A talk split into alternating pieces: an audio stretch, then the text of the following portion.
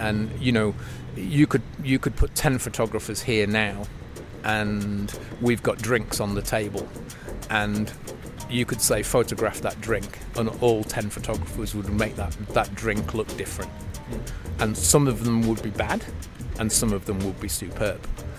Um, and it, comes down to knowledge and experience and natural ability and, and just as Kilian is a fantastic mountain runner because that's the way he was born as well as commitment and training you could arguably say that good photographers were born good photographers and they've honed their skill. It's it's it's, it's a similar thing.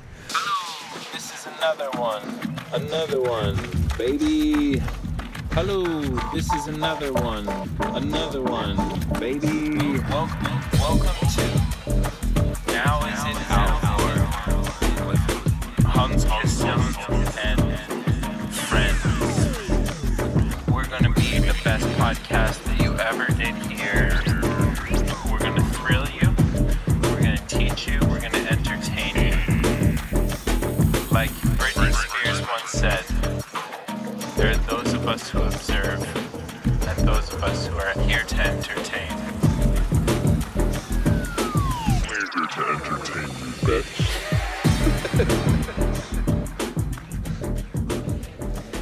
All right, welcome to episode number 78 of No er det alvor.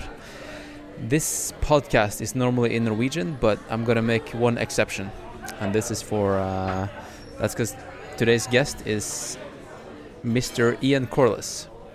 and right now this is the intro, guys. Um, this is not the actual interview. This is the intro of the podcast. And right now I'm in a cafe in Kathmandu with a friend of mine, and her name is. I'm Catherine de las Nieves. How you doing? And where are you from? I'm down from South America, from Chile, actually. Yeah. And what are you doing in in uh, in Nepal? Well, I'm a trekking guide, so I come here twice a year for the season. So I just finish my work and I just hang around for a few weeks in Kathmandu. Sweet, and we met in one of the lodges up in uh, Namche Bazaar, right? Which is we're going to talk about Nam- Namche Bazaar in this uh, episode. You haven't actually heard the interview with Ian Corless, but you have checked Ian out on Instagram. What do you think? What's your first impression of Ian? Well, I checked his uh, Instagram a few days ago and I was impressed. Uh, I really like uh, his photos.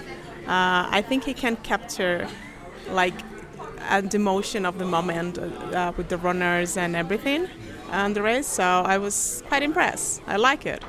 Yeah. I've been listening to Ian's podcast for the last, uh, I would say, five or six years. I'm a huge fan, and I hope I don't come across as a fanboy in this interview setting.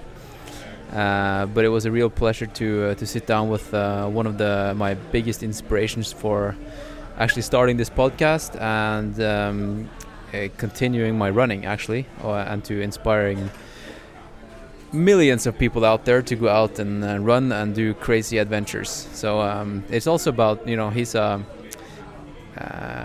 he's a very inspiring guy in terms of um, how he's figured out to make an income out of traveling, documenting these races, and this whole lifestyle. And you're also kind of doing the same thing. How, how did you figure this out? Well, it's a complicated life. It's it's not an easy choice. You have to, to keep on choosing every day to to have this lifestyle because uh, you don't have the stability of a secure job or a secure home or friends even like when you have troubles at home, you just call a friend and just go out to talk, maybe. You have temporary friends like me? Right? yeah, like you, exactly. Um, so it's not easy. Um, like five years ago, kind of like um, just maybe six, I quit my job. And in Santiago and decided just to go and explore a little bit, get like a, a part-time job. And then I just met the right people at the right time in the right places, and I started working with a company in Brazil to uh, explore new destinations and eventually guide treks. Yeah, that's how I did it. But it's not an easy uh, um, like thing to achieve. Uh, I just I got really lucky, and as I told you, you have to keep on choosing every day to to keep this life. It's very hard. Sometimes you you feel like, hey, maybe I should just go back uh, home. I don't know to a place that I know. Um, things might be easier. Yeah, yeah. Especially when you have, like, for example, m- a medical problem or something, an accident, like yesterday. Like you had yesterday. Tell tell tell the listener about yesterday. Yeah, like yesterday we went climbing, right? To this climbing wall here in Kathmandu. And we were just bouldering, just I just arrived there and and I was kind of scared because it was really high and I jumped but I did it awkwardly so I hit my jaw with my knee and I just was in huge pain the whole afternoon and I was I thought I just dislocated my jaw which was ah it was kind of a crisis when you just ah, I want my mom or something.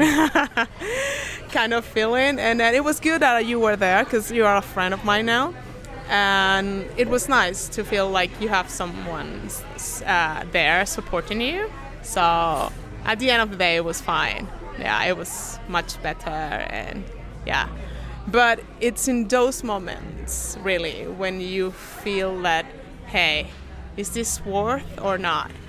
Then when you are up there in Namche Bazaar, in the summit of a mountain or just in an incredible um, outdoor place, you, you, you, you think about it and you say, hey, this is worth everything I've been through.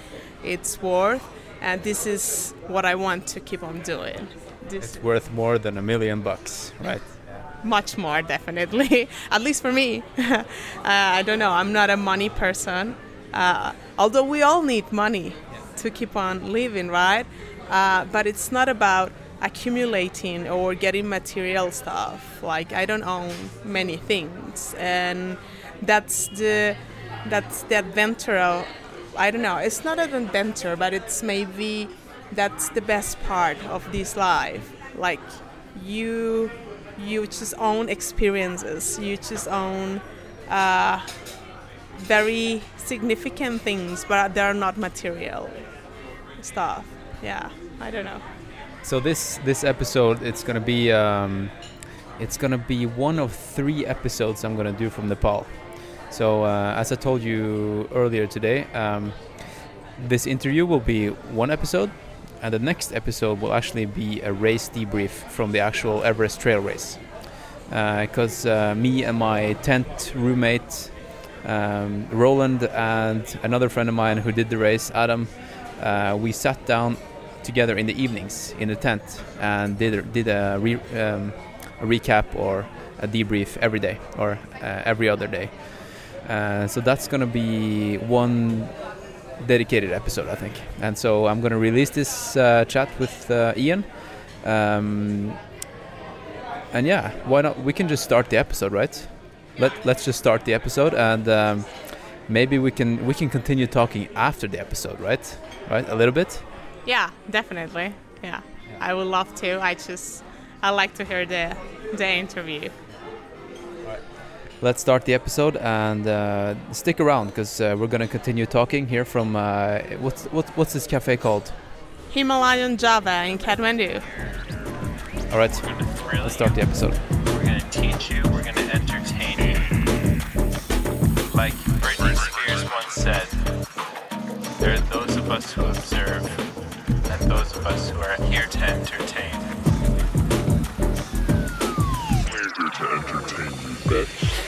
All right. I'm here with uh, my man Ian Corless. Um, we're sitting in Kathmandu in the garden outside of Hotel Shankar. It is the 18th of November, and it's two days after the Everest Trail Race. Um, maybe you can just we can just start by uh, doing a debrief of the race. Uh, how was it to be documenting the race on the sideline this year? So this is my sixth year on Everest Trail Race. Uh, it's a race that I always look forward to. Uh, one of the main reasons is is I, I actually get to do at least 50% of the course, so it's interesting from that perspective. Uh, rather than just working, I do actually get to, to do a bit of exercise as well, which is is nice. Um, and this year there was probably 50% of the race, maybe even a little bit more, which was a new route. So after you've been to something for five years and you know what's coming, it, it's nice to have new terrain, new locations, um, new places to look at. So that made it very exciting. And I think this year uh, the average field at the front end was probably more competitive. I mean, it's always been relatively competitive, but it, it normally comes down to one of two people. Whereas I think this year the dynamic, particularly in the men's race, it could have gone one of four ways. Um, the women's race definitely had three people who could have won the race. As it turned out, Anna was super strong and untouchable, almost beating the men. Um, and equally in the men's race, Suman, who has won the race before, he beat Luis Alberto Hernando a couple of years ago. He seems to have stepped up a, another level and, and was untouchable this year, uh, frighteningly untouchable. Uh, Did you talk to him about his training? Like, what has he done the last couple of years to step up the game? So I've not had that opportunity to, to sit at one side and talk to him yet, primarily just because you need an interpreter and, and the opportunity hasn't been there. But I know uh, a, a quick couple of conversations with him is that he's he's used to carrying 100 kg up at altitude, and you know that's just phenomenal strength training. If you take 100 kg off your body and then run, it's going to feel good. So, and he's Nepali, so the altitude is is less of a, an issue. Um, certainly, when you watched him run, he just had this permanent smile, and he was bouncing like Tigger. Yeah. He- at no point did he look as though he was in any trouble at all. And one really nice moment was on day two at Pikey Peak, which was 4,100 metres. Came really early in the race, in the first sort of seven kilometres. He was with Miguel Heras, who, who and Miguel could match him on the climbs, but Miguel struggled on the descent, which he had an injury. But they they stopped and stopped racing, and Suman just pointed out all the mountains to Miguel Really? right in the middle of the race. You know, they were they were pushing each other up this climb, yeah. and then they stopped, and Suman just pointed out, "There's Everest, there's Lhotse, there's Nuptse," and then and then they carried on racing. So he's a nice, humble guy as well. Now, that would not happen in a two hour marathon. No, no, no chance at all. not not even remotely. So, uh, I'm, I'm a running coach. You are, you're also a running coach, uh, or have been, right? I'm still a running coach. Uh, still still qualified, um, but I coach a lot less people now. I only I only coach a handful of people, and primarily it's just the demands on my time and my travel make the the coaching side more difficult. Now, would you ever put in a training program, put uh, 100 kilos on your back and run up to 5,500 meters above sea level? I mean, how can you? Uh, it doesn't make sense, right? No, I mean it doesn't make sense, and certainly from a from a, a UK or a European perspective, you you would certainly not even consider anything remotely like that. But I have interviewed people who do advocate and use weight. Um, uh, one guy in particular, William Sichel, who is a multiple world record holder. Ian Sharman as well, right? Uh, Ian Sharman, n- not nowhere near to the same extent of William Sichel. So, so William Sichel has a, a, a very specific strength program. He actually does very little running, but uses extreme weight. Okay. I mean, this this guy is small. He's tiny. He probably weighs under 60 kgs, and he lifts double his body weight.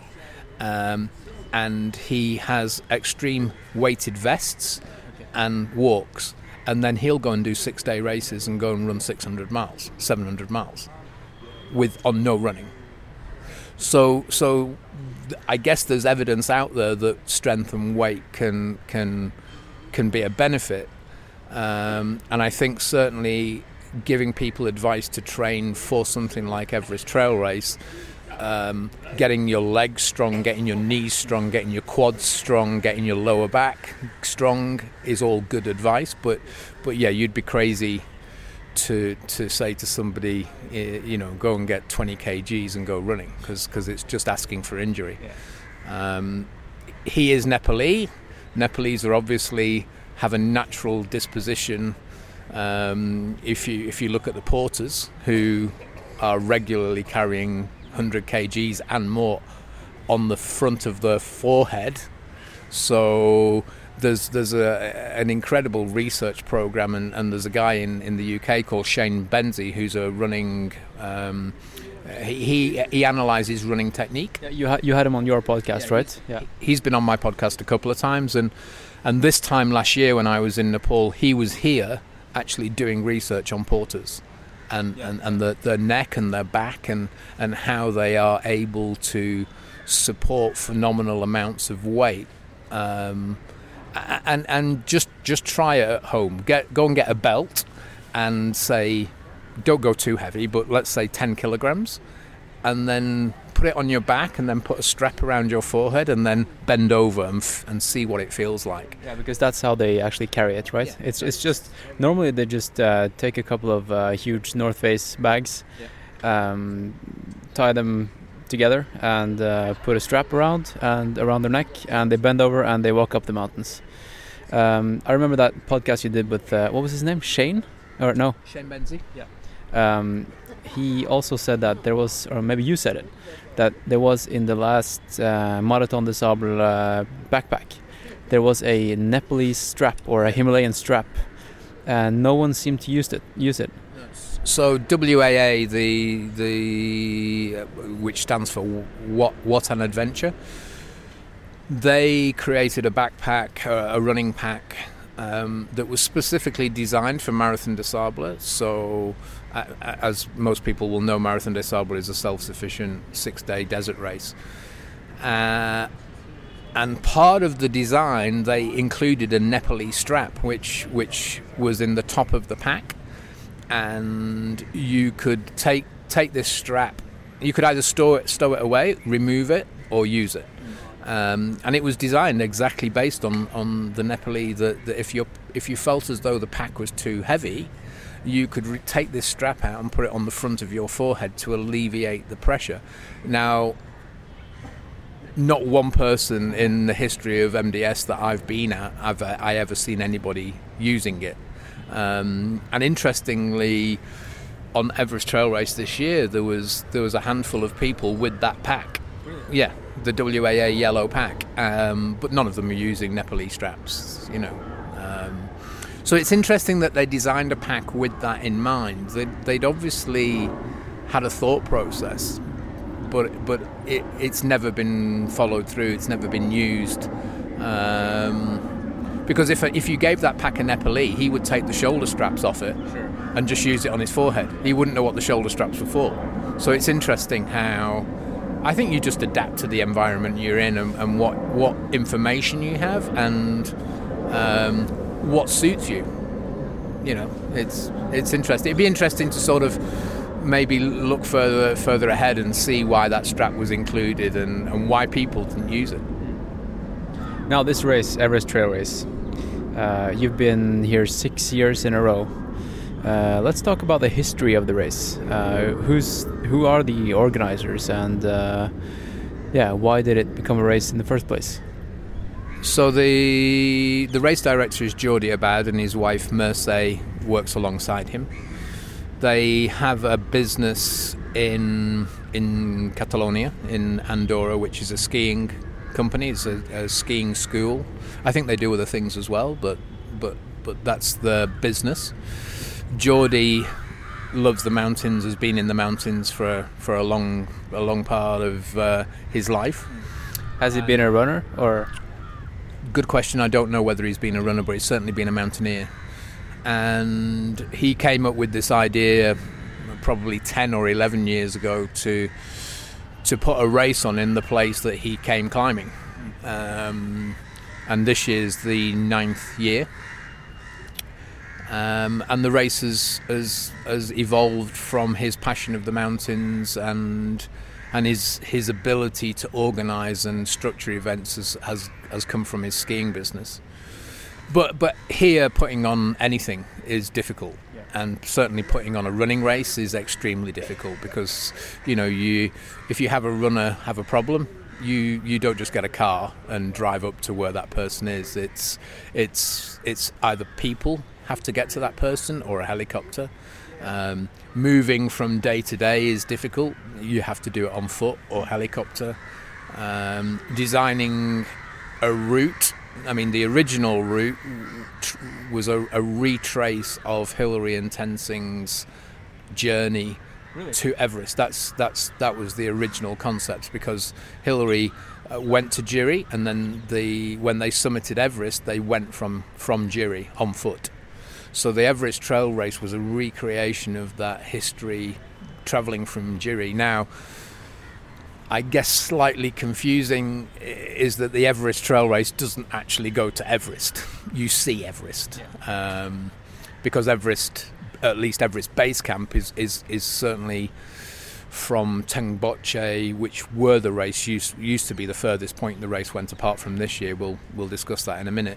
Um, is probably in running terms another two days away, mm. and obviously much higher altitude. Um, so there's reasons why it can't go that high, and and, and, and basically. I think the race already pushes the boundaries a little bit because yeah. if you think about most people are coming into the race from sea level or a little bit higher than sea level. Yeah, they, they, they take a plane and they arrive in Kathmandu two days before the race or something. Yeah, right. Yeah, so they arrive in Kathmandu, and Kathmandu is just over a thousand meters, I think. Yeah. Then, yeah, then then you travel to Camp One, which is this year at two thousand eight hundred. Yeah. So that's a massive jump in one day.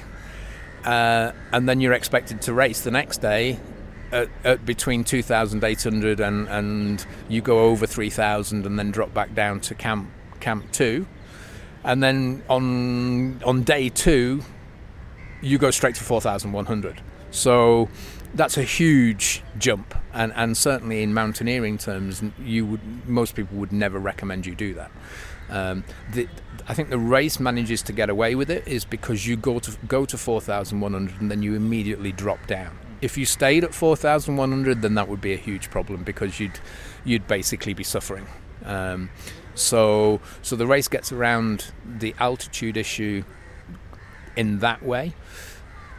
But if you then over the next three or four days went back up to 4,000 to then go to 5,500, which is roughly what base camp is at. Mm in two days, it would be. I think it would be too much of a jump. I, I would say that probably 50% of the field could manage it, and 50% of the field couldn't.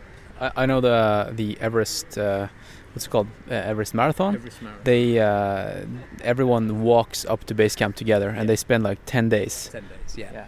So they yeah so so the Everest Marathon starts at base camp and finishes at Namche Bazaar. Uh, and Namche Bazaar is one of the, the places that the Everest Trail Race passes through. And like you say, they fly into Lukla and then they spend 10 days acclimatizing, getting to Everest Base Camp, which is, which is at, at just under 5,500 meters. And then they race down to Namche, which is at 3,600 meters. Yeah. So they roughly drop 2,000 meters. Now, of course, they're not dropping all the time. There are there is ups and downs. Mm but they've acclimatized to the start, and then in theory they're getting lower. Did you know uh, Suman, the winner of uh, this year's uh, Everest Trail Race, is doing that race? Yeah, yeah, yeah. I, I, I did. I did hear he was doing it, and uh, and and he, you know, Everest Trail Race to him will probably be just fantastic preparation because um, the race is what in another week's time. So. And he did the uh, Annapurna Golden Trail Series the weekend before this race. So yeah, so yeah, I mean, Suman will have a great race at the at the marathon, I'm sure. And it's and, and for him, it, in theory, it's downhill, so, yeah, so he'll have a great race. Now the logistics. Let's get back to that. Um, last night we talked about uh, the camps and all the tents and all, everything that's like the whole the whole system, like lo logistics. Um, can you tell me about that? So originally, in the earlier stages of the race, the the, the, the majority of the accommodation was tents. Um, and about three to four years ago, it split 50 50. So half of the race is in tents, half of the race is in lodges. Um, and the main reason is that is that once you get beyond Lukla, there's lodges everywhere. Uh, and the logistics of getting, say, 30 tents in place to, to host 50 to 60 people becomes an expensive and logistical nightmare. And, and I think, although out of preference, the staff and the, the racers would prefer tents. Uh, it, it, would be ridiculous not to use the accommodation that's available because it just makes life a lot easier for everybody. So, to start the race, people come to Kathmandu. They have a, a day and a half in Kathmandu where they re, they register for the race. Kit is checked to make sure that everybody's got what they need in, in terms of mandatory equipment and also the fact that they're carrying equipment that will keep them warm for the race. So, you know, typically that's a uh, a good sleeping bag, a down jacket, optional down trousers, but now that's becoming the norm because people see the benefits of the down trousers. Things like down socks, merino base layer and then the kit that you're going to run in. And, and the idea is obviously to get that pack as light and as minimal as possible. There's a minimum pack weight, which I believe is three and a half kgs. Mine was 3.6. Yeah. Uh, and I would say that the average weight of most people's packs is somewhere between four and five, and then you get one or two people that, that are maybe taking a little bit too much stuff, and their packs are near six. And then, of course, if you think about adding water, you know, a litre of water is another kg. So and poles and poles um, and the things that you're wearing. Uh, so the kit is checked, and then and then very very early. Um, normally around about 5 a.m. Everybody gets on a bus and they go to, to Camp 1. So for the first eight years of the race, that was Jiri, which was around about a seven-hour drive from Kathmandu. This year we moved uh, Camp 1 to a different place called Pat- Patale. Uh, that was like a nine hour journey, which sounds horrendous. Uh, and I suppose depends on, on how you look at it. I actually really enjoyed the journey this year um, because you see Nepali life pass by. Um, you see how crazy the road systems are. You see how people live. You see different landscape. You you get to see uh, Nepal undercover in a way. So I, I, I actually really enjoyed the nine-hour journey. Um, and you you would never go there if it wasn't for the race, right? Absolutely, no, absolutely not. And and partly the reason why they chose Patale is is for ex- this exactly reason is that the first three days of the race, you would see nobody. You might see one or two locals who live in remote places, but but you would not see any tourists. Whereas if you went to Jiri, you would definitely see people trekking or hiking. Um, and the other thing is now is that there is a road system being built from Jiri th- almost through to Lukla. Um, you can decide whether that's progress or not. Certainly, from a racing perspective, we want the the runners to have a raw Nepali experience and, and it to be as wild and as remote and, and and as natural as it possibly can be. And I, and I certainly think it's been achieved this year with the rerouting. Um, I know when I when I did I did day two, day four, and day six in, in entirety. And on day two, I didn't see anybody. You know, one one villager chopping wood, somebody collecting hay, um, and I saw the runners, and that that's pretty much it. So so once you get to uh, a place called Kharikhola, which has a monastery on a hill, fantastic location. Yeah, let's talk about that location. Yeah. So uh, you know, Kharikhola is is basically the top of a, a, a, you can't call it a mountain, but a hill. It's a plateau, yeah, kind of. Plateau. Yeah. yeah, and there's a little village that's below it. Um, and Kharikhola is this monastery which occupies the top of this this plateau and it's a, a, a, roughly 600 meter climb from the valley below to to Kharikhola Monastery, and then there's about uh, I've never counted the steps, but maybe hundred concrete steps that lead to the to the monastery, Um, and the ETR team have managed to gain permission to have tents around the monastery. I mean, it's just an icon. How did they manage that? Uh, to be honest, I don't know. I, I, I mean, the thing is, is that um, on the race we have local people. So, an integral person on the race is is a guy called Pasang Sherpa, who is a uh, a really experienced guide Sherpa in the Nepali region. He's been on Everest a couple of times. He's summited Ama Dablam. He's done Cho Oyu. Um, he's a fixer, you know. And he knows everyone. He knows. Ev- he knows everyone, uh, and he works for Annapurna Treks and Trails. And Annapurna Treks and Trails are are a key ingredient of the Everest Trail Race. They're the people on the ground in Nepal who do all the the the, the logistics in con, in in conjunction with Jordi.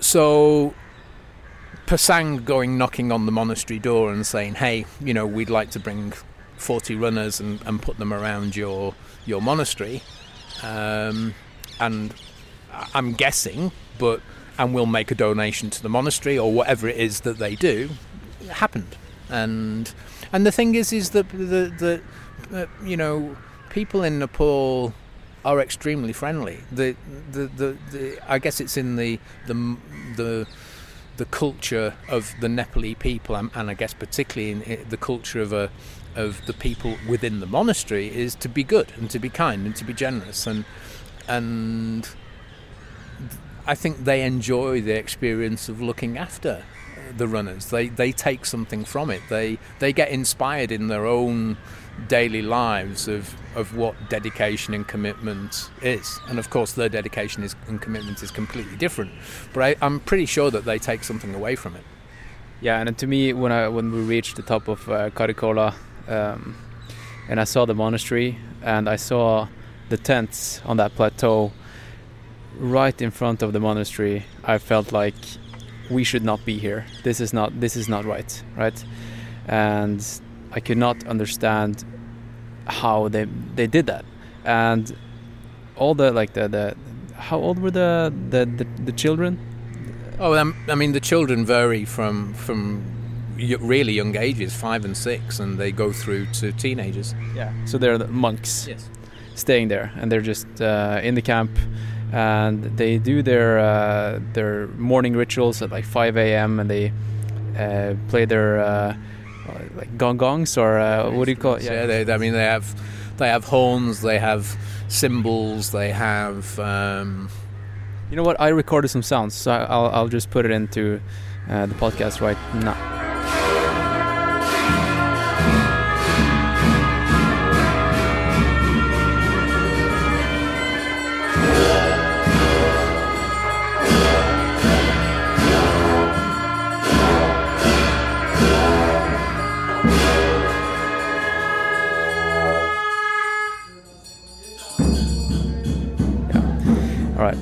Um, so that's pretty cool. And uh, so that was day three, right? Day uh, three. Uh, day three, we arrive in Kharikhola.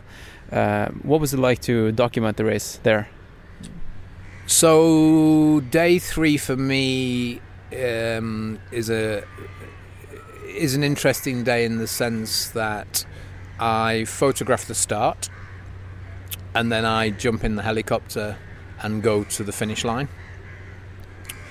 we obviously the ETR team have things to do to get the finish line ready for, for the runners arriving. Um, what I did was is I in the years that I've been coming to the race, there is a uh, two lodges at the bottom of the monastery, one immediately on the left, and then the second one. Uh, I'm friends with the family in the second one because I've I've always gone in and said hello to them.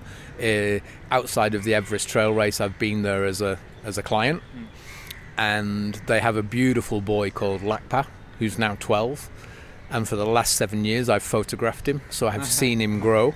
And I mean, he is my, I like to call him my best friend. Um, your time lapse exper- uh, experiment. Yes, he's uh-huh. he's he's he's just this beautiful boy, and and when I arrived, I went straight to the lodge and said hello to, to his mother. His father wasn't there. He's a Sherpa, so I'm guessing he was working. And I asked where Lakpa was, and she said, "Oh, he's in school." Um, so I set up my laptop because we'd had no Wi-Fi for three days. and I had three race reports that I needed to upload, and I needed images. So I spent my morning doing that and estimating what time the first runner would come because obviously I had to be there to, to photograph Suman coming up the final climb. Um, and so then, once Suman came, uh, I then went up and down that final climb taking photographs of the runners arriving, which I guess lasted over a span of what, four or five hours. And then in the process, I suddenly turned around and Lakpa was there to give me a big hug. And um, and then the you know the the day's stage ended, and then I went back to the lodge to edit the photos from the day, write a day report, and get that uploaded. And and you know my my my day, if people are interested in that, it, uh, Everest Trail Race starts at 5 a.m. Um, breakfast at 5:30, and then I'll start moving around the camp bef- before light and sometimes after light. So if I'm not on the trail, I'll be taking photographs of people getting ready, getting their packs sorted out, maybe um, having the spot trackers checked, or I'll be on the trail getting an hour down the trail, an hour and a half down the trail to a specific location that I've decided will be good for photography, and then I wait for the runners to come, and then I move following the runners through the day. Well, you need to be at the the perfect spot uh, where the sun hits the right in the right angle at the right time, right when the runner passes. Right, so. And that's pretty cool because uh, what defines a good photographer is not just being able to handle the gear and, and press the button. It's being at the right location at, at the right time. So uh, yeah, you told me about was it stage number five or stage No, number last stage. last stage, stage number six. Yeah, tell me about that. So stage six is the last day. Um, it starts at Teng, Tengboche Monastery, finishes in Lukla. Uh, in terms of profile, it's it's more of a downhill race than an uphill. I think it's 3,000 meters drop and 2,000 meters vertical over 29 kilometers. So I do that stage. My priority uh, is always um, from a storytelling point of view because I have basically two stories to tell. It's about the elite race, the front of the race, and that's that's where most of my audience are. What, what they're interested in is who's winning, how fast are they winning, good photos. And then, of course, there's the story of everybody in the race, which I have to tell the story for the race.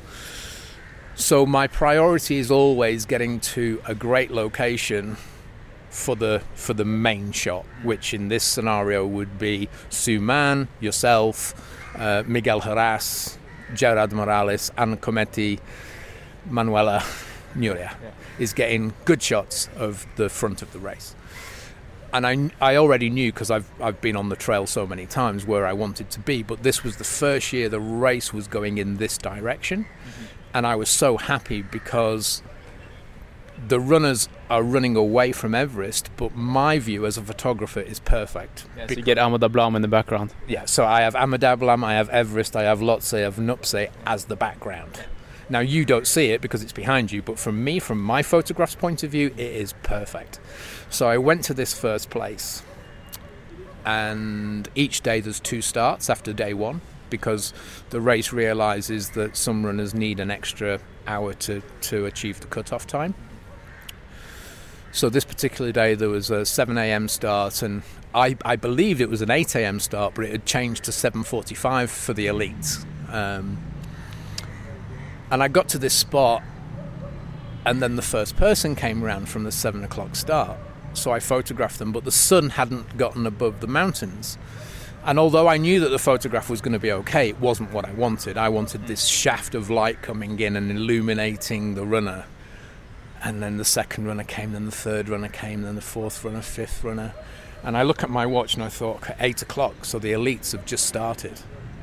And I'm, and then I'm estimating, okay, so the these uh, these slower guys in inverted commas have got here in an hour and ten minutes. That means Suman's going to be here in 40 minutes. So I was thinking 8:40, he's going to be here, and I'm just watching the trail, thinking, "Come on, son, come on, come on, come on!"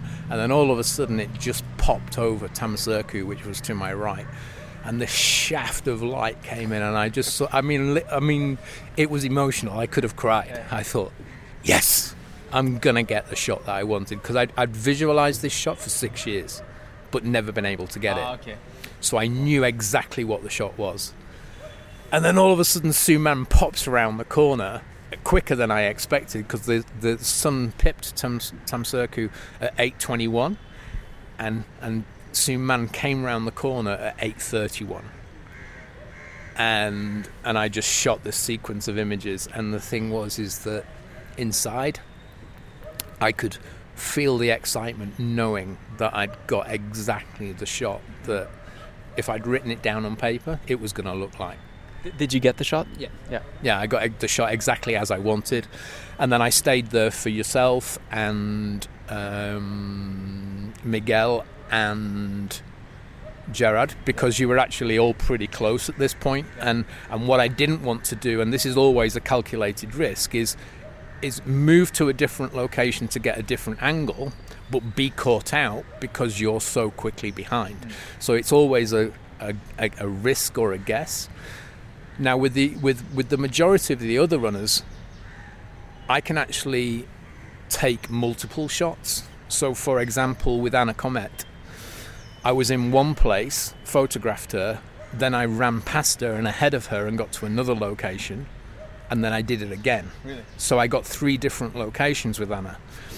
But that wasn't going to happen with Suman because the speed that he was going, my pack is still four and a half kgs plus water, plus my camera probably weighs best part of two and a half kgs, is to try and sprint past Suman at three and a half thousand meters altitude, let my heart rate drop, and compose the photo is not really going to happen with with Suman or, or yourself. Or So, sounds like biathlon.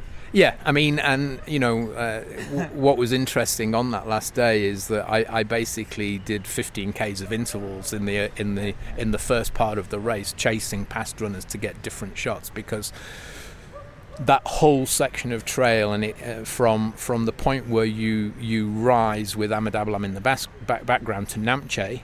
Uh, I'm not actually sure what distance it is. It's probably 5k, 6k. Yeah. Um, yeah, yeah, six Ks um, is is pretty much all the way along that trail is great views. And so what I did was I made sure I was leapfrogging runners and getting multiple positions. And then of course, uh, so let's say at Namche I've covered I don't know 12k, 15k. I've still got the best part of 15k to go on foot, and so then I go I go relatively slow because otherwise the, the the remainder of the field won't catch me. So it's it's always a difficult balance. Is that I want to sort of finish the stage as quickly as I can, but I can't go as quick as I want to go because otherwise I won't photograph the other runners. So sometimes I have to find a nice location, stop and wait, wait for the runner to come, and then move again, and and and you know that's what my day is like. So I think I finished on on the on the last day around about 2:30 p.m. and I'd started at six o'clock in the morning. But I'd got to my first location and waited one hour before the runners came.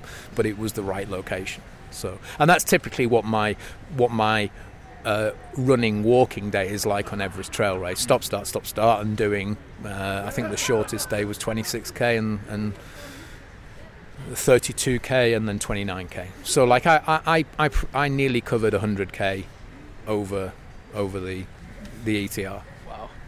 Now, how did this life, um, or how did this become your job? What, what what's your journey? You were an athlete. When did you start documenting, and how did it kind of transition into into a job? So I've been a photographer all my life.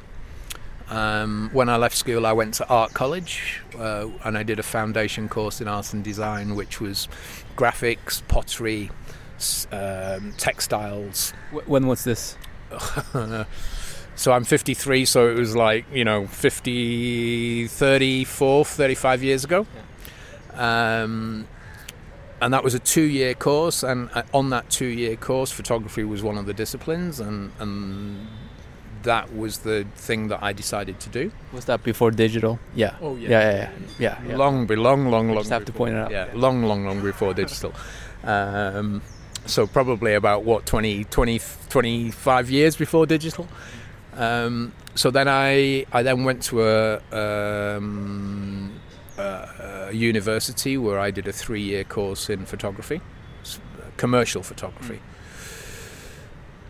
Uh, so I finished that. What would it have been? Twenty one years old, and then I went straight to London and I worked uh, as an assistant to a, a, a famous photographer in, in the advertising world called Desmond Burdon and uh, a food photographer called Vernon Morgan. And then I was a photographer in London for about seven years uh, as an advertising photographer, working on, on brands. I then moved out of London and went to the northwest of the UK, which is where I was originally born and I worked in, in several studios and then I eventually moved to a studio in Gloucestershire called Ash Photography, which was owned by a guy called John Ash, and it was basically me and him. And we specialised primarily in food. So if you went to a supermarket and wanted to buy a, um, I don't know, a lasagna, I could have done the, the, the photograph of the lasagna. Um, Do you have any tricks? I've seen some uh, documentaries on this uh, where you paint food and stuff, Yeah. it, like, make it glossy. Yeah, we used to do that. So we, we have a, a food stylist. Uh, uh, they're called Home Economist, and basically they they like destructure the food and then rebuild it. Um, and we used to use things like mashed potato f- instead of ice cream. And, and then rules changed in the, the, the advertising standards you had to represent the product as it was.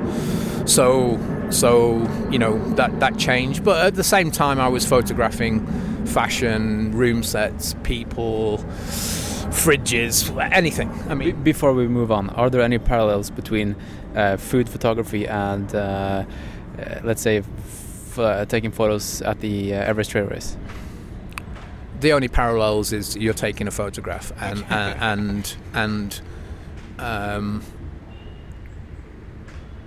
the one thing that I, I, I, I think that separates photographers is the eye. Knowing what what good composition is understanding light understanding um, what it is that you're doing. And you know you could you could put 10 photographers here now and we've got drinks on the table. And you could say photograph that drink and all 10 photographers would make that, that drink look different. And some of them would be bad and some of them would be superb. Um, and it, it comes down to knowledge and experience and natural ability. And, and just as Kilian is a fantastic mountain runner because that's the way he was born as well as commitment and training you could arguably say that good photographers were born good photographers and they've honed their skill. It's it's it's, it's a similar thing All right, cool. So let's continue with the the story. So yeah, so I was I was an advertising photographer, and my hobby was sport. I became a, an elite cyclist, and I was an elite cyclist for a long time. Then in 2000 and um, what was it? 2005, I think it was. I retired from from competitive cycling. Um, I was just finding it too hard. I was training twice a day. I was, you know, burning the candle at both ends, working long hours. Um, although I was, I was, in inverted commas, a, a good cyclist. I wasn't a professional cyclist. My job was photography. So I stopped the elite cycling. Uh, took a year out. Then I went into Ironman for a hobby. But then I'm a little bit OCD, and I got in into Ironman just as bad as as, it, as I did cycling. But then it was even worse because I was training for three sports. So I I did Ironman for about three years till till 2008, and then uh, I decided to stop Ironman because I'd gone back to where I was with cycling, in, in but I was doing three sports and it was crazy and and I decided, oh, you know, this ultra running thing is like really, really stupid. And I'd read Dean Karnazes' book, and like a lot of people, read that book and thought, wow, this is like really stupid. So, But cool. oh, cool, yeah. Um, so I decided that that I, I- without sounding arrogant, uh, when I stood on an Ironman start line, I knew I was going to finish. Because I wasn't really motivated about motivated about going faster, faster, faster. It was it was the, the achievement, and yeah, I would try and go as quickly as I possibly could, but but I wasn't trying to prove anything other than than having a great day out doing three disciplines. So, so I'd, I'd, I'd gone to Klagen for, for the third time doing an Ironman, and I was standing on the start line, and I knew, I knew I was going to finish. And the thing that appealed to me about ultra running was that it petrified me. Running longer than a marathon, you must be crazy. Why, why would you want to do that? And so I, I, I, I'd done Ironman Klagenfurt in 2008, and I'd come up with this challenge basically after reading Dean Karnazes's book that I would run eight marathons in eight days. And I, I, I still don't really know why I came up with this thing. You came up with this. Yeah, it wasn't I- a dare or anything. no, you no, just I- came up with came up with it. I came up with this thing, and, and I, I still can't think of why. I, I, I, I don't know what the I don't know what the process was, and then it was, uh, how am I going to do eight marathons? And I did a little bit of research, and I found a trail in, in the UK called, um, um, God, what's it called? It, it's, it's the Thames Path, and it and the Thames Path starts uh, in in the Cotswolds which was actually not that far away from where I lived, which is a sor- the source of the River Thames. And this source goes all the way to the Thames barrier, and it's 184 miles, which, if you divide it by 26.2, was seven marathons. So I contacted London Marathon, and they gave me a place in London Marathon. So I ran to the start of London Marathon, and then did London Marathon, which was eight marathons in eight days so that was basically the start of of, of ultra running. Um, although you you would arguably say I didn't run an ultra. Yeah, yeah. Just like yeah, Everest Trail Race. Is this technically an Yeah. ultra or is it just a stage race? It, it, I didn't even really know what a stage race was in 2008. In terms, in, in, in my in from my point of view, running eight marathons in eight days was was ultra running. Was- ultra achievement, I would say. Exactly. Yeah. I mean, I- I don't get too worried about the nitty gritty between one thing and another. I think I think we can get a bit too preoccupied sometimes about what is one thing and not. Uh, I think running eight marathons in eight days or, or 50 marathons in 50 days is impressive. Um, whatever, whatever speed you do it or how you do it. Um, so so that was the, the sort of catalyst, and then it, it, just before the the this was going to happen, about a month before, my dad was going to be my crew, and he got cancer, and and I was all for cancelling, and and because it didn't feel right that I was going to do this thing, and and and uh, my dad couldn't be my crew. Okay, so he was in, in bad shape, Well, or, he- or, or just just got the diagnosis. he'd got the diagnosis, but it was very severe cancer. So it was it was pancreatic, and um, and the, the the the chances of being re- of recovering from pancreatic cancer are, are extremely poor. So that was devastating, and it didn't feel right. But then my dad sat me down and he says, "You do this for me." So that was hard because then I had to then do it. um, even though, even though, really deep down inside, I, I it didn't feel right.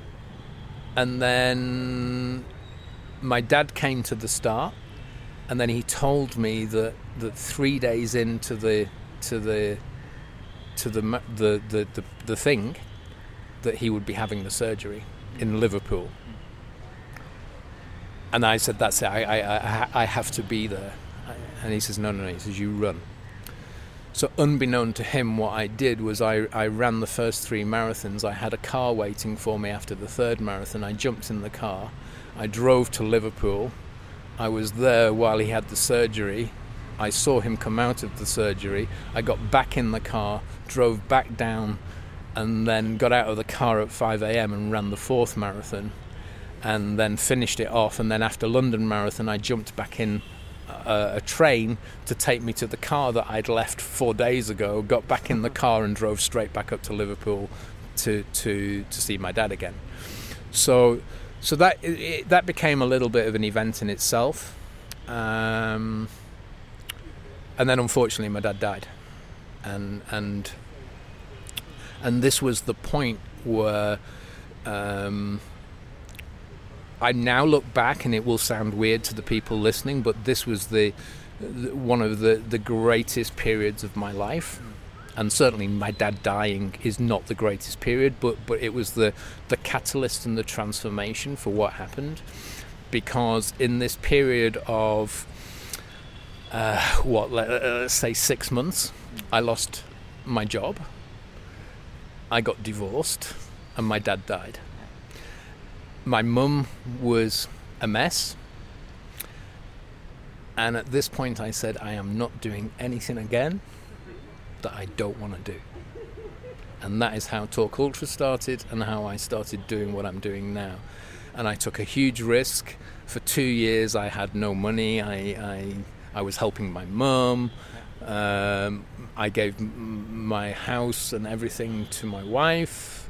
I saw my son when I could, and of course, he was a really important, integral part of my life. And and and and I think, you know, one of the lessons that I say to people now is is, you know, sometimes the real shit in your life is is is the bit that makes you really kick yourself up the arse and and come up with something because you have to you you have no choice. You uh, uh, and and it's worth taking the risk because if it fails, so what? What what what happens? You know, it doesn't feel like a risk. You just have to do it. Yeah, yeah. I mean, I had I had this thing that, you know what, I'm going to try this. I'm going to try it and see what happens. And you know, when I came up with Talk Ultra, podcasts were really in the infancy. My two friends, Martin and Tom at Marathon Talk, I used to edit their show. Yeah, let's talk about the early days of podcasting because this was early. This when, when, was this? So 2000? This is 2009. It's 10 years ago, 10, 10 11 years ago. Um, what was it like to set up a podcast? And yeah, how did you distribute it? What was like? So the history of the podcast was that I have two friends, Tom Williams and Martin Yelling, uh, and they have Marathon Talk podcast, and their podcast had already been been established for for uh, I don't know what a year or two years.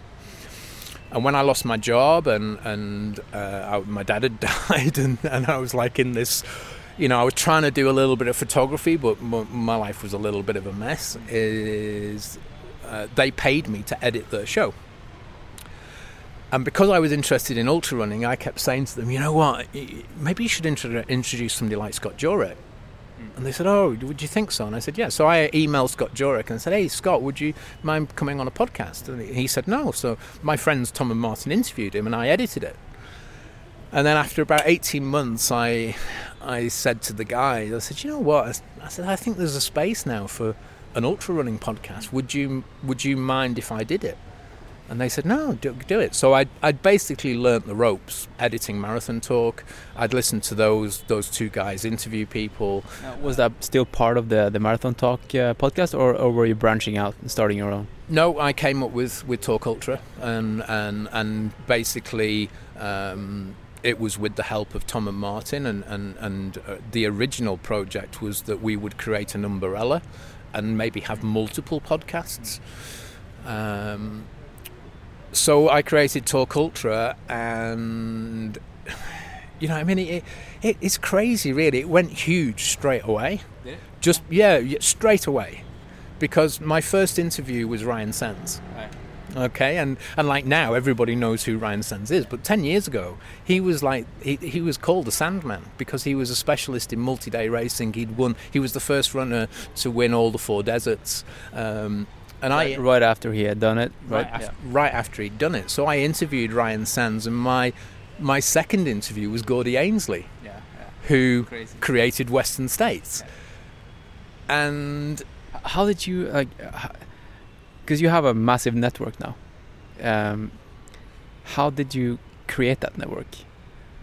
Well, I mean, the Niep through emails and, and through using Talk Ultra as a as a platform, or, or or did you go to events and you got to know these people and and then you contacted them?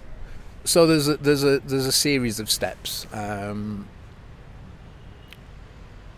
I'd done my ultra running research, so people like Gordy Ainsleigh, Ryan Sandes, uh, Scott Jurek. Uh, these were the, the names that, that quite a lot of people can understand. So I thought these are the people that I have to interview first because this was which is what will build the platform. And I just basically emailed them. Yeah. You know, I mean, I, I one way or the other found out how to contact them, contacted them, and said, "Hey, I'm doing this podcast. Can I can can I interview you?" Yeah, sure. And that's the great thing about ultra runners is it was literally, yeah, sure. Yeah, they are normal people. Yeah. yeah. I mean, and, and I still say it these days. Me contacting Scott Jurek 10 years ago w- would be the equivalent of me emailing David Beckham and saying, Will you come on my podcast? And I would not get a reply.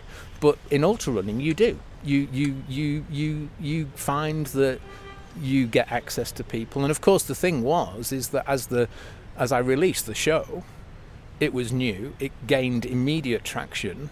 And my USP my unique selling point was the show was long.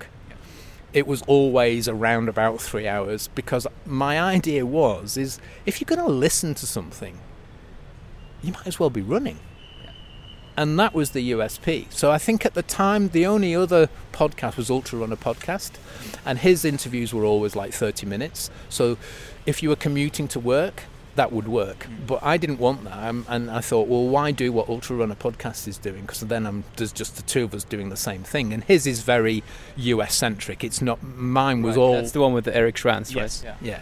My podcast was always meant to be about the world. I'd interview anybody from anywhere, um, and and fortunate that obviously English is is the most listened to language. So so that was one advantage as well. So the podcast gained immediate traction, and then I got I got contacted. It's funny now thinking back. Uh, it's about a series of events that that create a chain. Was I got invited to Transvulcania in 2012 Yeah. because of Talk Ultra podcast. okay. To, uh, you were invited to document the race with the podcast, or So yes, I w- or for pho- photography. no, because the photography didn't exist then. I was I was a photographer, but Talk, Talk Ultra was something ultra running. My photography was commercial. I was a food photographer, an advertising photographer. Um, so I got invited because of the podcast, but it was 2012 in Transvulcania, which is when Skyrunning hel- held the convention. All right. And what Was that the year that Kilian won? Yeah. So they, they, they invited all the world's best athletes to, to La Palma. And I was the journalist, uh, journalist along with Bryon Powell Yeah. And one other guy. And I'm not joking. I mean, it's, it sounds super crazy, but I walked into this room and it was Kilian, Anna Frost, Anton Krupicka, Joe Grant, Max King, uh, Marco de Gasperi. I mean, I could go on. Nikki Kimball. Uh, every single name that if you were 10 years ago talking about who of who, I walked into this room and had immediate access to all of them. And that's it. I mean, I immediately became friends. And I, I use friends in inverted commas Yeah. because now a lot of them are my personal friends. And, and I think I learned early on is that don't confuse friendship with work. You know, you, you, you, I, I- I hope I've never abused that trust. And I think that's one of the reasons when I, I go to a race, I, I know when to leave the runners alone. I don't go following them around, hounding them for an interview and trying to photograph them all the time. They just get fed up of you. I've always given them the space and, and respected who they are. And at the end of the day, as much as I admire them for what they do, they are just people. Right. And if you become a fanboy, then just forget it. You won't you won't get you won't get the time because you just become a problem. But what I did was I took my camera to Transvulcania. Sort of photographed the race, but not not really photographed the race. It was more a case of I just happened to take photographs. And then afterwards, you know, Bryon Powell was doing what Bryon Powell does for iRunFar, right? Yeah. with I- iRunFar, and he's still doing now what he did th- then. But what I did was I podcasted, I wrote, and I had photographs, and I left Transvulcania and I went, nobody's doing this. There is nobody doing this in the sport. There were photographers, there were, I suppose, Eric Schranz with the podcast, and there were writers, but nobody did one thing. So I did it, and it just literally went boom. I actually went back to that 2012 podcast and listened to it before this uh, year's Transvulcania. It's really fun. I think it was Emelie Forsberg Uh, and Kilian uh, before they were a couple, Yeah. and they were they were giving you a race debrief Yeah. of the race, and they were yeah, it was pretty fun to listen to. I uh, maybe I'll, I'll link to that show in the show notes so people can go back and listen. Oh, that's a really cool story. Yeah. Yeah, and um, uh, how has it escalated um, from then on? Like, uh, what what do you consider yourself? Are you a podcaster? Are you a photographer? Uh, Are you or are you just a documenter of races? I'm a photographer. Okay. Um, I think then I wasn't. I, I, I was a photographer, but a commercial photographer. I, at Transvulcania, I was a podcaster. But the, the key thing that happened at that race was that it was for skyrunning, and Lauri Van Houten and Marino Giacometti, who, who are the two people who, who, who run and own the International Skyrunning Federation, saw the potential of what I was doing, and that flourished where I became the media partner for skyrunning, and I did, I did that for, you know, six years, seven years. I, I don't do that now. I still work for Lauri Marino, but not the Skyrunner World Series. And what that did is the skyrunning calendar then was something in the region of 18 to 21 races. So immediately I, I in the World Series every year. yeah, so I immediately went into 21 races a year and going from Italy to France to Spain to America to, to wherever the races were, shooting all the best runners, f- podcasting about it, writing about it, um, and and the the ultra running world is small, so I worked hard and and I've done a couple of podcasts before, and I said I was lucky.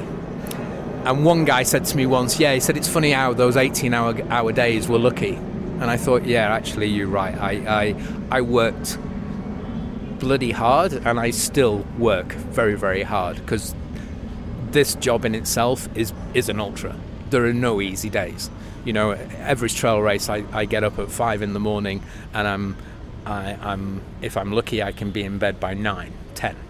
So the long hard days and, and included in that I'm not just working like I, I, I've done nearly 100k on, on my feet um, I have to edit the photos I have to write I have to try and publish it There has to be Wi-Fi, and there has to be Wi-Fi and, and you know and there isn't, and then you stress about it, and then yeah. Well, the thing is, is is that say say eight years ago, you stressed less about it because it was in its early stages. But now, everybody wants to know what's happened the minute after it's happened, and if Or it's when it's happening. or when it's happening. So so. You know, for the first three days of Everest Trail Race, we couldn't get anything, any content out. You, you're thinking, well, this is crazy because now people are, are checking online to see the results of the day that's just finished, and, and they're not there because we can't get that information out. And we've used things like satellite and, and all sorts of different phones and networks, and you know, but we were in remote places. So so yeah, you, you you know over the years, I you learn how to do those things, and you accept the, the, the long hours and the, the big days, and and I, I still say it now that the the worst, most terrible day in in my working life as a as a photographer, podcaster, journalist is still better than any day, any good day I had when I was working nine to five. A bad day in my office is a great day still, you know, and and I am super lucky, super privileged, super honoured to to be able to do this job because I I start travelling in January. I travel for 11 months of the year. I, I've now learnt to take December off because basically I just get fried. And if I don't take December off, I, I uh, it, it, rolls over into the following year. And it took me, it took me a long time to learn that actually, you sometimes you have to say no. Um, and because I've I've built that reputation, um, I now you know, I, I, now have a database of races that I can contact, and, and races contact me because they, they want me to cover the race um, in the in the capacity that I do as a as a photographer, a podcaster, a writer, and and you know I can customize packages based on what a race wants. What are your favorite races to cover? Is that a? Can I ask you that question? Yeah. Yeah, you can ask the question. Um, I always find it extremely difficult to answer because uh, everything is so different. It's, the, it's, the, people, like the, the runners, the competition, the the mountains and the areas and everything, like the whole package. Yeah. What do you What do you like the most? So let's say a multi-day race. It, it, one of the things I like about multi-day racing is that that you get to delve much more into the fact of, of just running. Mm. I, I get to see how the runners function and and so therefore I can build a greater story. I can have a greater understanding of the runners. Um, if I go to Transvulcania, say, um, I might be able to photograph the runners in one place or two places, yeah. and that's it. You know, I've I've captured a moment within one day, of which one man and one woman won the race, and and I, yeah, I can tell a story. But in a multi-day race, you get to see them day to day. You get to see them in camp. You get an opportunity to have conversations and, and learn more about the person. Um, and typically, in, in, in any one year, I'll do several multi day races. So for six or seven years now, I've I've gone to the Coastal Challenge in Costa Rica. I've gone to Marathon des Sables in Morocco, and I've come to Nepal for for Everest Trail Race. And then in, in addition to that, I've done multi-day races in America and South Africa and Australia. Um, and and so learning and, and, and experiencing a multi-day race is, is something that I really enjoy. If if I had to pick a multi-day race I, I can't because no. Coastal Challenge is just so different to Morocco, and Morocco is so different to Everest Trail Race. But the one thing I will say, and you can read into this what you like, is in my downtime, I like to come back to Nepal. Yeah. yeah. so, Nepal is a special place. Um, I love the environment, I love the mountains, I love the people. Uh, is something very very special. And then in, in terms of if, if, I had to pick one day races, Transvolcano has a big place in my heart because 2012 it was a transform, transformative place. Trofeo Kima, which is the iconic sky running race, you know, it's the history of the support. Um, uh, Lauri and Marino from the ISF have recreated the Monte Rosa Sky Race, which is teams of two to the summit of Monte Rosa and back down. That is immense. It's an incredible race. Um, but I'm, I, yeah, I'm, I'm, I'm just super privileged that I get to, to, to experience different races, and, and I don't think I've, I've ever really been to a bad race. They're all good and unique from, from, from a, a perspective, and and yeah, if you're in Nepal and looking at Ama then that's pretty special. Yeah, so yeah. That, that that takes some beating. It really does take some beating. Um, and I think what's interesting is is is when you talk to runners that probably their favourite race is the one that they've just done. You know, because it's fresh in their mind. They, they've they've just had they lived that experience, and and I think, you know, you asking me now, we're in Nepal, we're talking about it, and it's all live and it's fresh and it's and it's all still, you know, it's it's it's still happening so that's fresh in your mind and and and I have a little bit of downtime now so I'm not necessarily thinking about what what the next race is. I'm thinking more about getting all my camera equipment serviced and cleaned so that it's ready for next year uh, doing some admin and logistical stuff and prepping for next year. Uh, and then once I've I've done that for the next what week or ten days, then then I'll start focusing on getting ready for, for next year, and you know my calendar for next year is already really busy. do you ever get scared of um, your your platforms as being um, outdated? Like when you see the Golden Trail series with live coverage and runners with uh, cameras, uh, I mean film cameras covering it live. Is that frightening to you, or do you think your um, your job is, stable, or do you have to, do you have to adapt soon? And also, what do you think about that live coverage? Like, is it a good thing for the sport? Like, two questions. Um, so, I mean, you should never stand still. You, you should always be adapting and looking at how you change things. I think live is completely different to what I do. I don't think there's any conflict there. I think uh, uh, a live broadcast or even a video or a film of a race is not the same as a still image.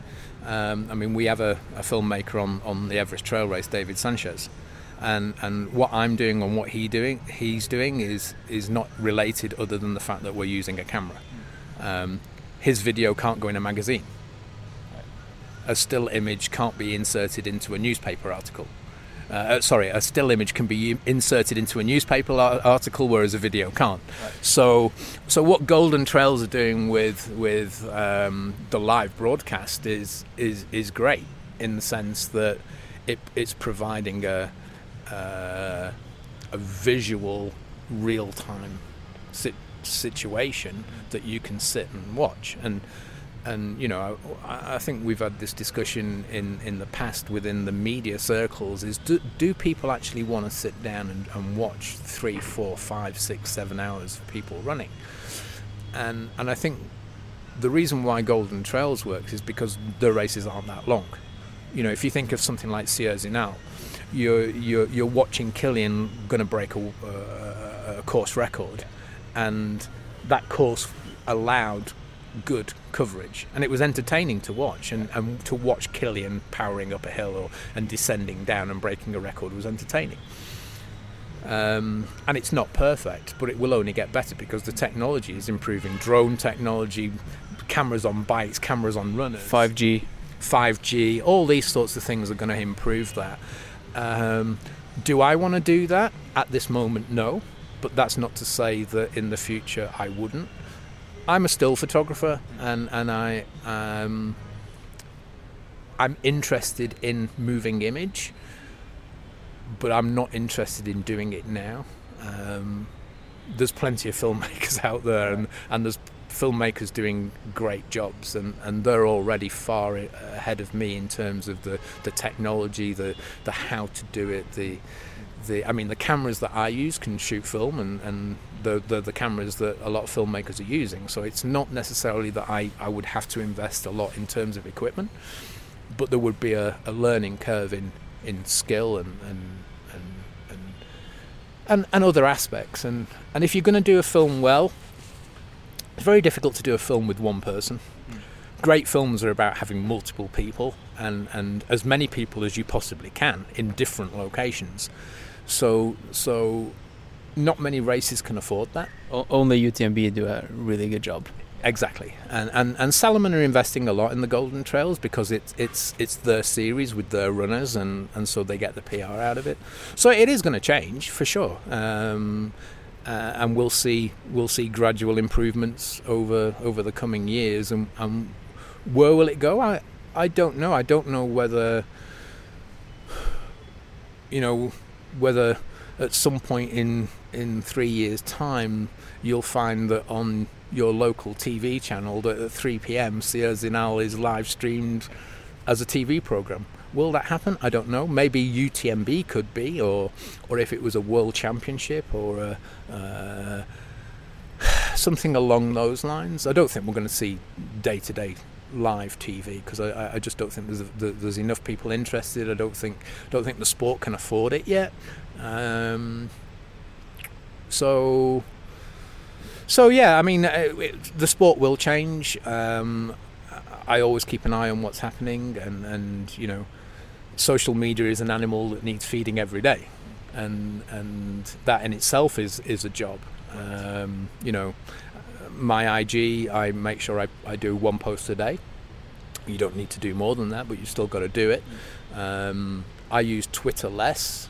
um, and I, I sort of use Facebook, but it but now, and, and I think this is happening a lot, is I IG is becoming much more the, the media that people use, and and if I post on on I use I use a, a, several programs so that if I post on one media channel, it posts to the other media channels. So if I post on IG, it will go to Twitter and it will go to Facebook. So you you, you sort of like you manage to f- to cover all the bases. Right. Yeah. All right. You have uh, December off. Um, what are you planning on doing in December? Are you staying in Nepal, or, uh, or do you want to keep it secret? No, no. maybe. Okay. Um, so for the last few years, I've come back to Nepal in December. Um, last year, I, I, I, I did the high passes and Everest Base Camp and climbed Kalapatar, went to Ama Dablam Base Camp over the Christmas period. So I was here on Christmas Day and New Year's Eve. Um, What's that like? Uh, are do the uh, Nepalese people uh, celebrate anything in Christmas, or is it do they? What's it like? Um, well, I was I was at the pyramid, just below Everest Base Camp, on Christmas Eve, and um, other than waking up in the morning and people realizing it was Christmas, then no, I mean it was it was I could have been anywhere. Um, and there's pros and cons in that. In that I woke up on Christmas morning and I thought of my family and and uh, I made some phone calls and wished them happy Christmas, and then I felt guilty that I wasn't home. Um, but then I, I climbed Kongma Pass on Christmas Day in the snow, and I stood at the summit and looked out and I thought, what a way to spend Christmas Day. um, so pros and cons.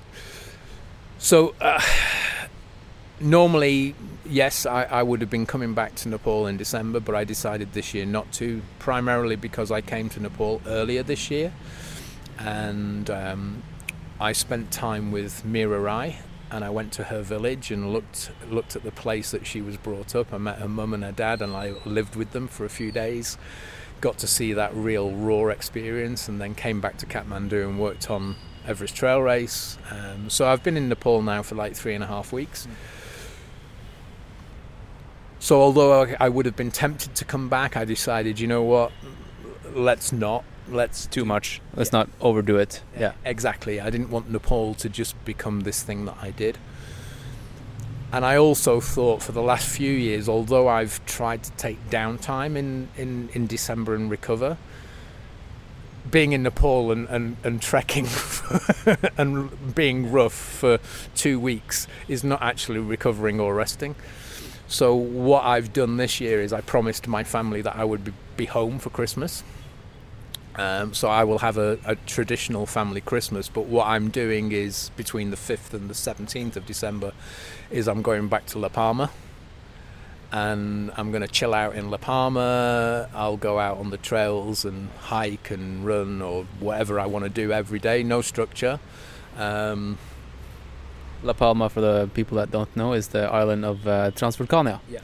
The race we were talking about, which is, uh, it looks like a heart, I would say. Yeah and uh, it's part of the Canary Islands, right?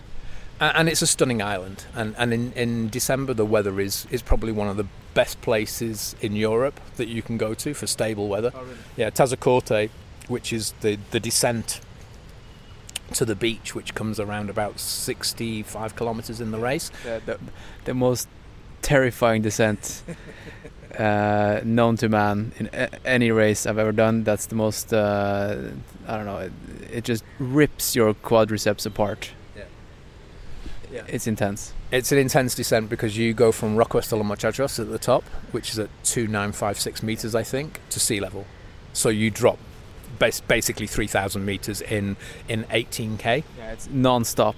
Yeah, non-stop, uh, and it's uh, the, I think the last five Ks are actually on concrete. Part, part of it is on concrete, yeah, because you, you, you go down this really steep black tarmac road at El Time, and then you have the zigzags zigzag conc- uh, stone path down to the to the beach.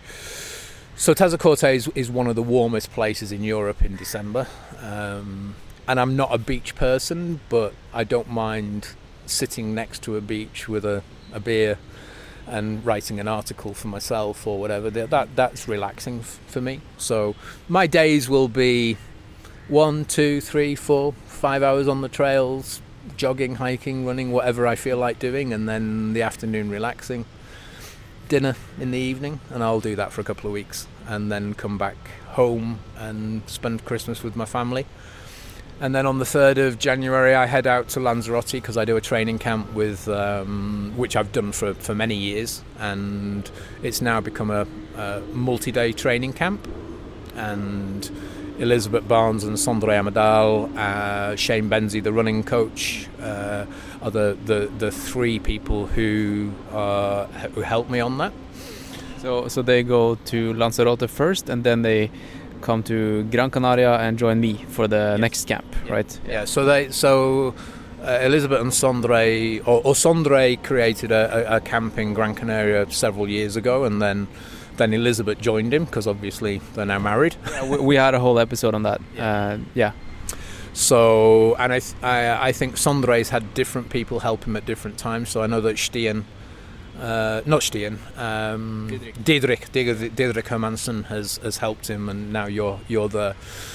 Um, so so we have the Lanzarote camp and Sondre and Elizabeth then go to Gran Canaria, and then I start my season, and um, I, I literally come off the training camp, and I go to Hong Kong for Nine Dragons, I come back from Hong Kong, I go straight to Costa Rica, and then that's it. I'm on the roll then. Costa Rica, Tenerife Trail, Marathon blah, blah, blah, blah, blah, blah, all the way through. Wow. All right. Now we're. Uh, what time is it? Uh, yeah, pretty soon there's a prize ceremony for the Everest Trail Race. What can we expect? at the ceremony. Um, so they, they, they use the, the sort of gala dining room at the hotel, which is uh, the Hotel Shankar is this sort of. Um, it's difficult to describe. It, it feels like British Empire, uh, British Empire, colonial, colonial. You know, we're, we're sitting in the gardens of the hotel, and this this big white hotel with a red Shankar sign. It feels like you know British Empire in India and certainly inside it feels like that as well. It, it's sort of like going back in time. So the dining room, the gala room, is, is, is that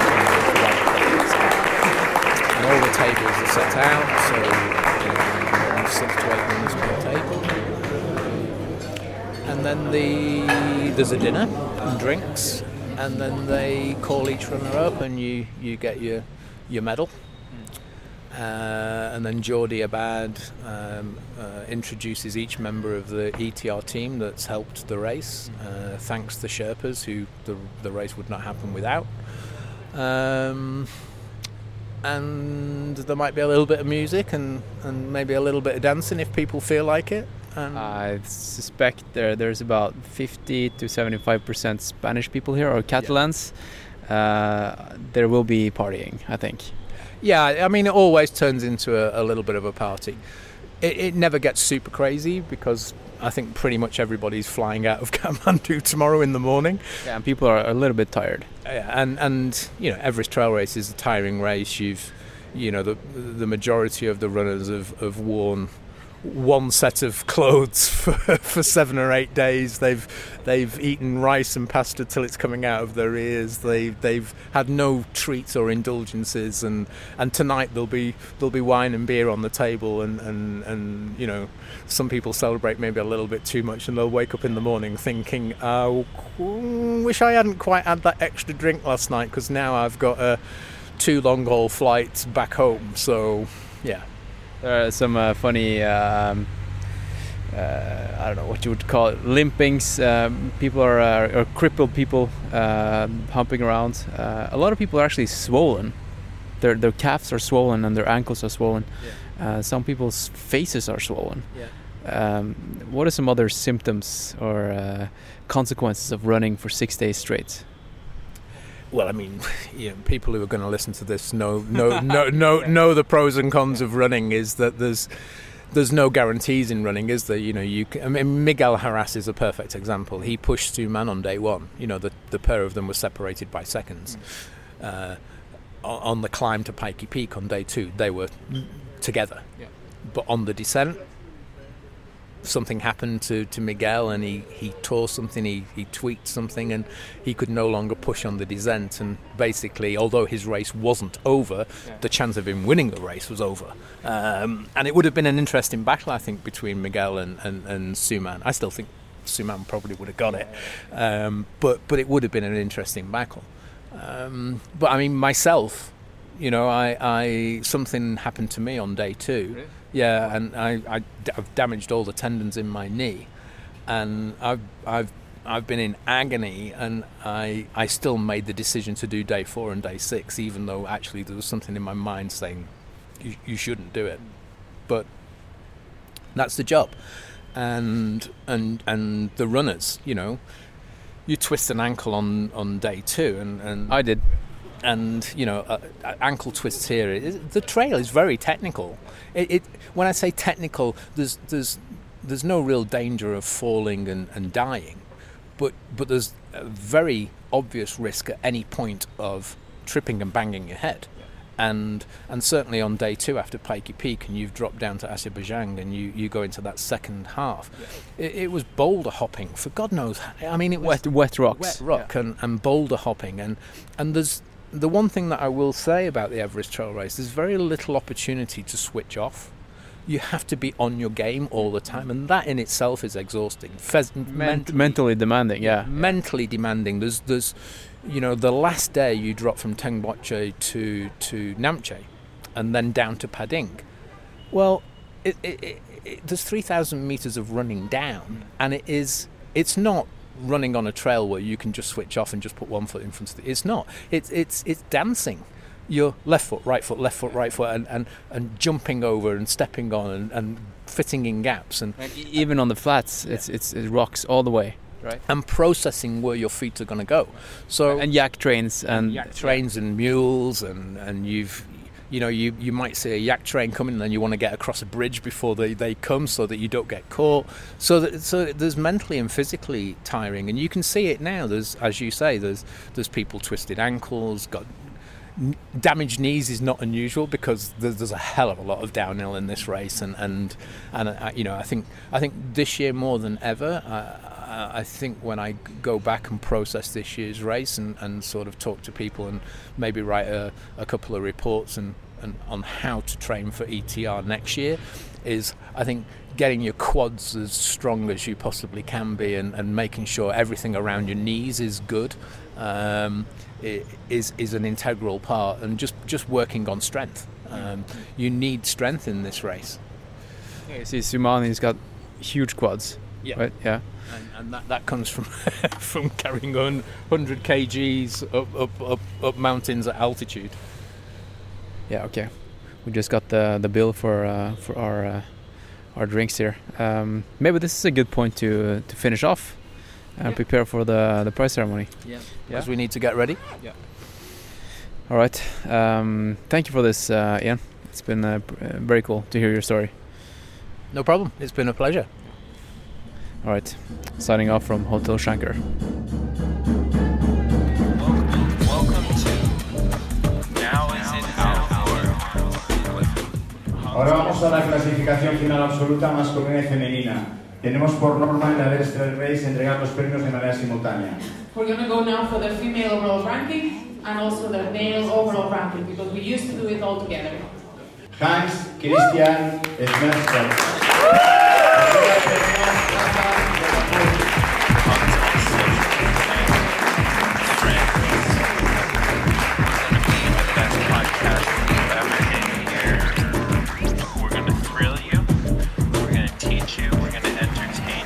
Okay, let's carry on to the. Now we're in the outro, and I'm still here with uh, my Chilean friend uh, from uh, Himalayan Java. Uh, thanks for listening, guys. It's been a that was a really cool episode, don't you think? It was incredible, uh, and it was very interesting to hear to EM. Uh, I just I loved it. Yeah. Yeah, because we've been sitting here and we're actually we've, we've been listening to the whole interview, and now you know everything we talked about. Um, yeah, Ian is a really cool guy, and I really enjoyed the chat.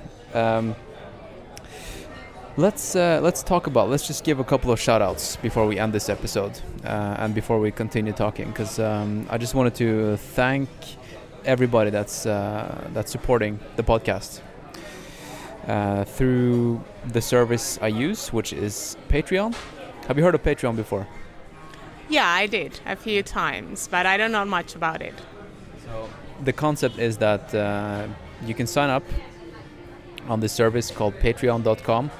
Uh, and you can choose how much you want to give. It's like a donation or a crowdfunding platform. And so, if you want to give one dollar, that's cool. Um, but what's even cooler is that that one one dollar will be taken from your bank account every month, and I will have a predictable income every month. So I know how much money I'm going to make, right? And so traveling and having kind of this uh, nomadic lifestyle, uh, it's really helpful to use a service like Patreon. So uh, around 150 people have signed up, and that's really really cool. And uh, yesterday I got a new one, and what I did was I sent. I do this to everyone. I, I sent a personal video message immediately to the to the person from the streets of Kathmandu uh, and yeah, uh, I really appreciate it, you guys. It's um, I'm almost crying. I'm almost uh, seriously. so yeah, thanks. Yeah, thanks for listening, and I'll see you around. we're not done. We're not done. No. Um, let's continue talking a little bit, um, because I think you have um, you have more things to say, right? you have you have tons more on your mind. What what's your next project? Well, my next project is going down to Patagonia uh, now in December. I'm trying to uh, change a little bit my way of life now. Uh, I'm gonna continue with this nomadic lifestyle, but I want to uh, have a little base down there. Uh, so my footprint um, you know, carbon footprint is not that big because right now I'm just traveling like crazy uh, all the time. Every three weeks, I'm taking a plane. That's more or less. So you're to travel back to Patagonia and create a base for your carbon footprint. Okay, yeah. Well, the idea is to to try to um, stabilize a little bit and not uh, travel as much as I'm doing right now. I wanted to continue being uh, able to to travel, but feel that uh, that I'm not doing as much harm as I'm doing right now. Uh, even though I'm very green in many aspects of my life, uh, it's taking planes. You know, like flying around the world. It's the worst thing you can do. So I'm just I have to I haven't figured it out completely but I know that's the place that I love the most uh, in the world, and I just wanted to go down there. Uh, and I'll take it from there. I don't know. I'm not quite sure what am I going to do. I'm going to be opening for sure some trekking uh, routes uh, in Parque Patagonia, uh, which is a huge new national park that we have down there. Uh, so yeah, that's what I'm. that's my next project. Cool. and I wanted to ask you, what does it take to become a guide on like let's say in the in Solukhumbu or, or the Khumbu Valley up to Everest Base Camp. What, what, does it take? Can can I do it if I if I just made a website and made it look uh, like I was a guide, official guide? Can I just take people here, or or do I have to get some sort of a certificate or uh, official stamp from the government? Or how, how did you become this guide?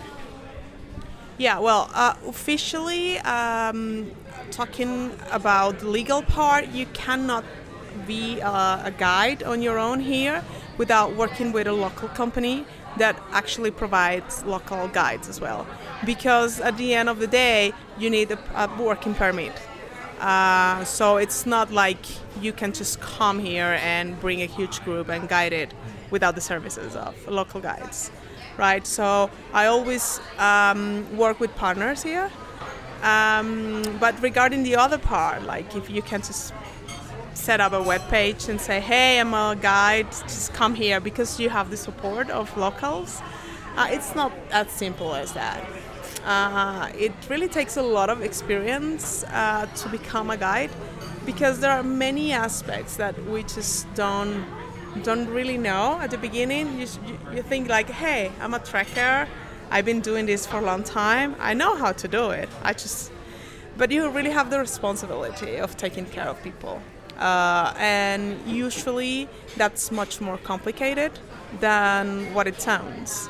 Um, helping them to decide which equipment to bring, uh, helping them along the, route, along the route with the technique, how to walk, how not to be so, you know, like so, um, have like um, um, inflammation in their muscles or things. Like Alt- altitude. Yeah, altitude. Yeah, I was. Yeah, uh, altitude sickness is a huge problem here, because. Uh, well, people usually don't don't know uh, how to approach altitude. They just think it's just maybe a myth, uh, or it won't happen to them. Um, so it's it's it's not an, an, easy business just to come. You need some uh, medical training as well, uh, which I do have. Um, you can you you probably can start working with um, um, with some other guides and be like a, an assistant guide to acquire uh, experience. And then that's how you actually made it. That's how I did how I did it.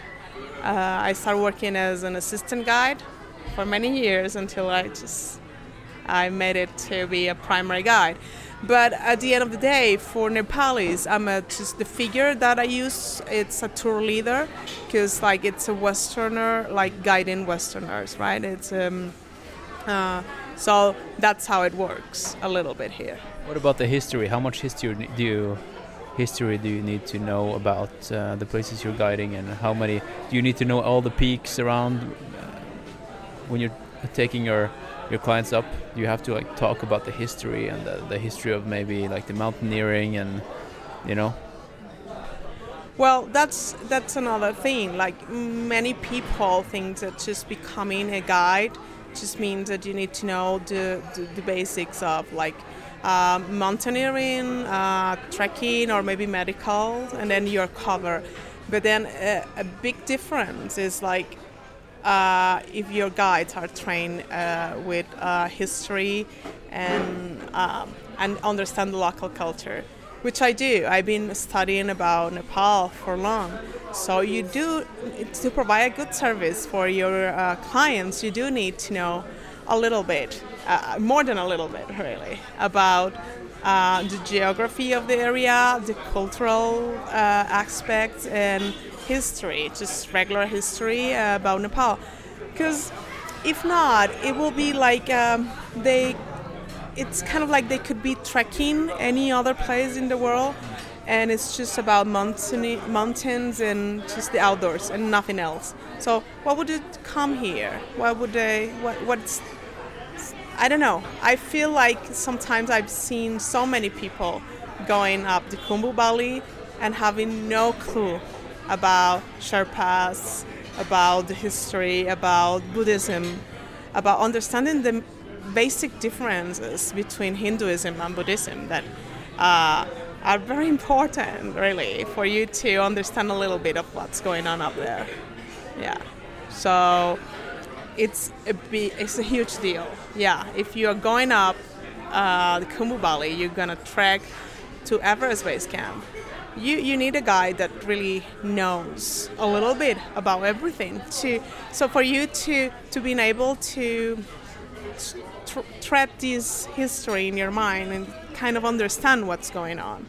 I don't know if you follow me on that. Yeah yeah yeah. Because uh, i was reading books while i was uh, running up in, in the valley and it really like I, I don't know you can that's the best way of learning if you ask me. Like reading and being there looking at the mountains, reading about the history of the mountains. Uh, just being back in Norway and reading the book would not make uh, no no would make sense. Um, I'm really looking forward to making this uh, episode I'm going to do about the history of um, summiting Everest because uh, you also went and you talked to Kancha Sherpa in in. Tell me about your uh, yeah maybe maybe the listeners don't know who Kancha is. Maybe you can uh, can tell can tell them about that. Well, Kancha Sherpa, it's uh, one of the last surviving. Um, I think he's the only one. yeah, maybe he's the only one. I'm not 100% sure about that. Last surviving members of the um, first expedition, su- uh, successful expedition to Everest. This is in 1953 with Edmund Hillary and Tenzing Sherpa. So uh, he is kind of like a living legend uh, in Khumbu um, because he he's one of the few people that are able to tell you how was the life in the valley before it became this mountaineering hub. Yeah, this. Um, so and to tell you the stories about um, how things were, how it how how actually the the climb, how it actually was. Uh, you know, they were cooking at camp two or maybe camp one with wood fire. So porters were carrying wood over there. So it's kind of crazy um, to think about these things like in terms of like how do you carry wood up there nowadays it's so so complicated just to go to Gorakshep for example this is 5200 meters kind of so imagine Karen wood over there as porters, no shoes, no clothes. Like it's very hard for us.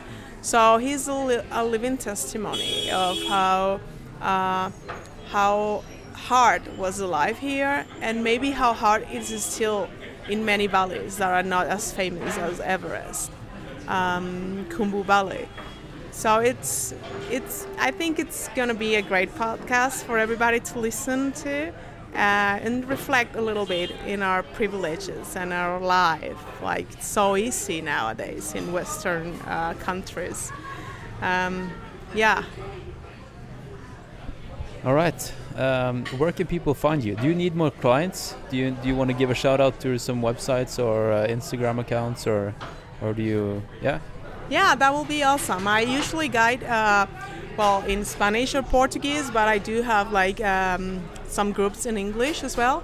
Uh, you can find me on my personal Instagram, uh, which is um, Catherine de las Nieves. Uh, I'll put a link in the show notes. Yeah. Yeah, awesome. And I also have a website for uh, my company. I have a little company in Chile um, for small treks around the world. That's what I do. So yeah, I'll give you the, the link as well. Uh, yeah, the webpage is like in English and Spanish. It's like with this Google app that you can translate everything. Yeah, so probably you can read it in Norwegian as well. I don't know. Yeah. Okay, cool. And uh, before I uh, press the stop button on this recorder, uh, I want to give a shout out to everyone that's going to be running the Bislett 24 hour race this weekend. And that's also why I'm, I'm not rushing, but I want to get this episode out before Saturday. Because there will be a lot of people listening listening to this podcast while they do the race, which is a race around a 550 meter uh, long track uh, in the basement in Oslo. Uh, they're going to be running for 24 hours and just see how far they can get. What do you think about that? I think it's crazy. I'm not a runner, uh, and just to be runner running indoor, uh, indoors, it's like kind of like I don't know. uh, but it's cool. It's cool that uh, a lot of people can do it. Uh, it takes a lot of um, endurance and courage to be able to be a marathon runner and ultra runner and trail runner. I just, I, I, I really admire people that go for it. Yeah. All right.